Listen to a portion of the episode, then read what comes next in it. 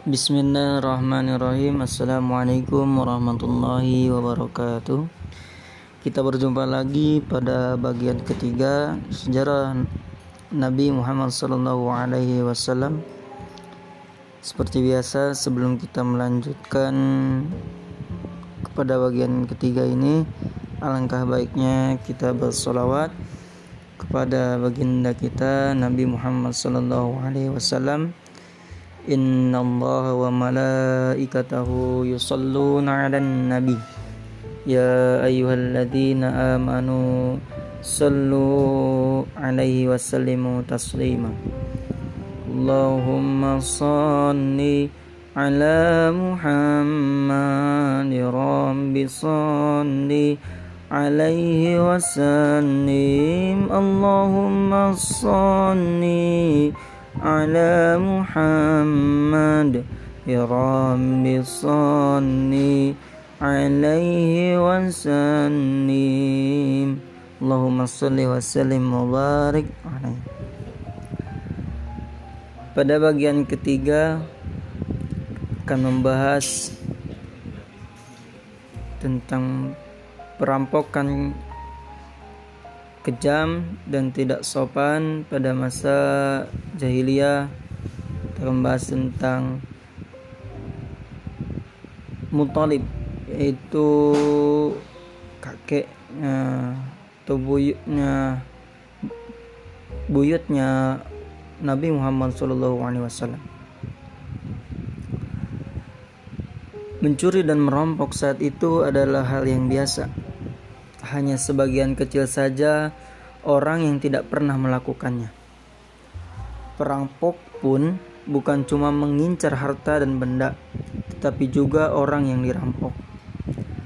Perampok biasanya menjadikan orang-orang yang telah dirampoknya menjadi tawanan dan budak belian. Saat itu, perilaku bangsa Arab amat kejam, sampai melewati batas pri kemanusiaan anak-anak perempuannya sendiri mereka bunuh, ada yang dikubur hidup-hidup ke dalam tanah, ada pula yang ditaruh dalam tong dan diluncurkan dari tempat yang tinggi. Mereka malu jika mempunyai anak perempuan. Mereka juga suka menyiksa binatang jika seorang mati. Keluarganya mengikat unta di atas kuburan dan tidak memberikan makan serta minum sampai si unta mati. Mereka menganggap meranggapan unta itu kelak akan menjadi tunggangan si yang mati itu. Musuh yang tertangkap diperlakukan sangat kejam.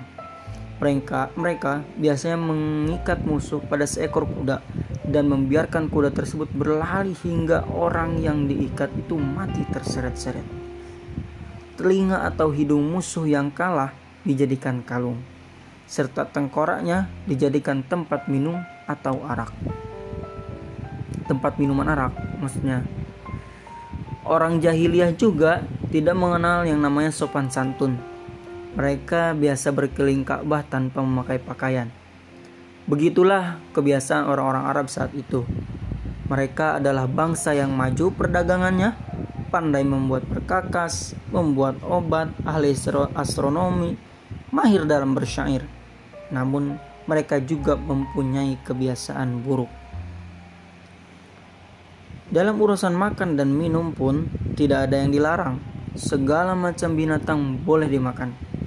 Binatang yang sudah mati pun disayat dagingnya, dibakar dan dimakan.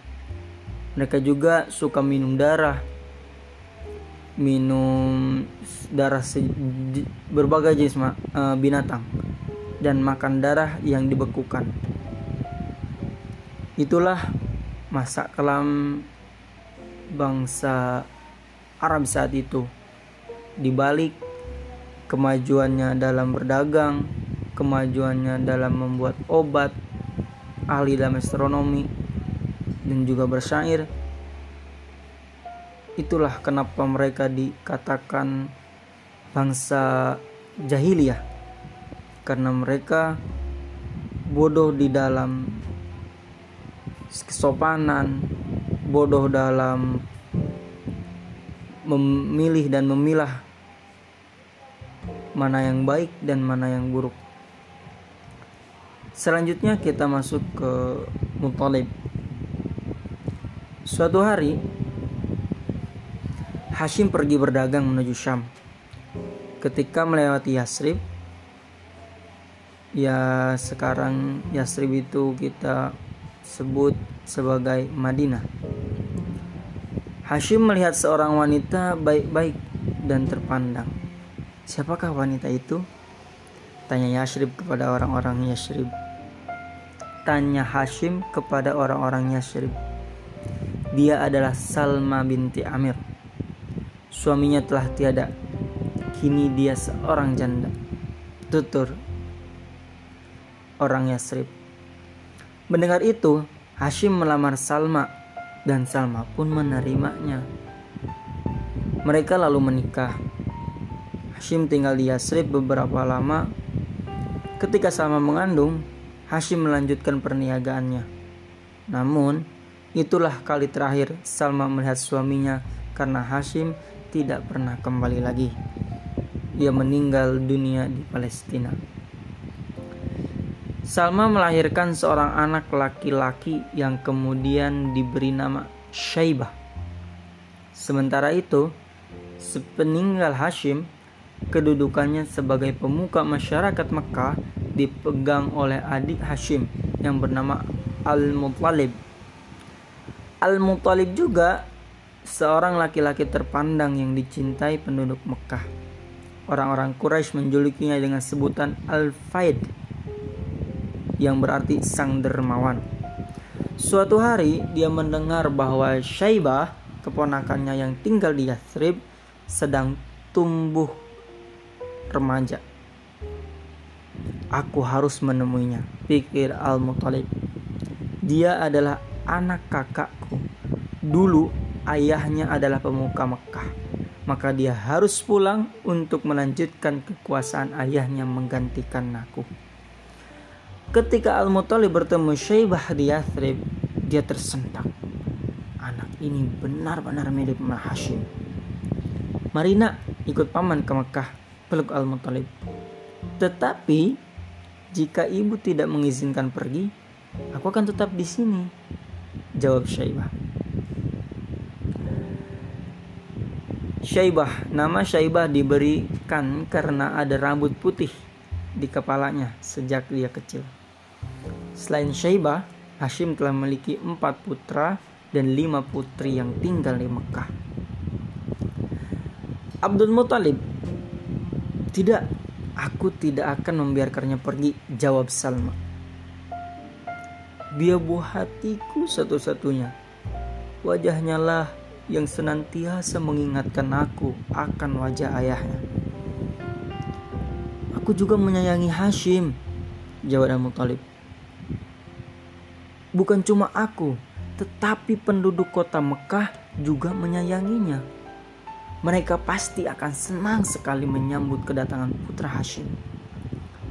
Begitu melihat wajah anak ini, rasa sayangku timbul kepadanya. Seolah aku melihat Hashim hidup kembali dan berdiri di hadapanku. Izinkan aku membawanya pergi. Sesungguhnya Mekah adalah kerajaan ayahnya, dan Mekah adalah tanah suci yang dicintai oleh seluruh bangsa Arab. Tidakkah pantas putramu pergi ke sana dan menunjukkan pemerintahan ayahnya? Melanjutkan pemerintahan ayahnya? Sama memandang kembali Syaibah dengan mata berkaca-kaca. Hatinya ingin agar putra satu-satunya itu tetap tinggal di sisinya. Namun, ia tahu masa depan Syaibah bukan di Yathrib, melainkan di Mekah. Akhirnya ia pun mengangguk, baiklah, kau izinkan ia pergi. Dengan amat gembira, Al-Muttalib mengajak keponakannya itu pulang. Syaibah duduk membonceng unta di belakang pamannya. Ketika mereka tiba di Mekah, orang-orang menyangka bahwa anak yang duduk di belakang Al-Muthalib adalah budaknya. Abdul Muthalib. itu panggilan bagi budak Al-Muttalib maksudnya.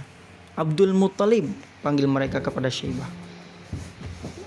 Wailakum nah, kata Hashim, celakalah kalian.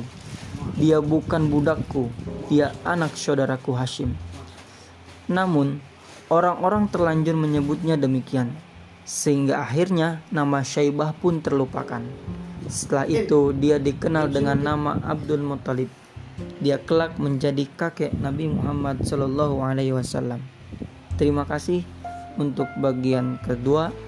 Untuk maaf untuk bagian ketiga dicukupkan sampai Abdul Muthalib. Nanti kita akan lanjutkan ke bagian keempat. Terima kasih telah mendengarkan. Wabillahi taufik wal hidayah. Assalamualaikum warahmatullahi wabarakatuh.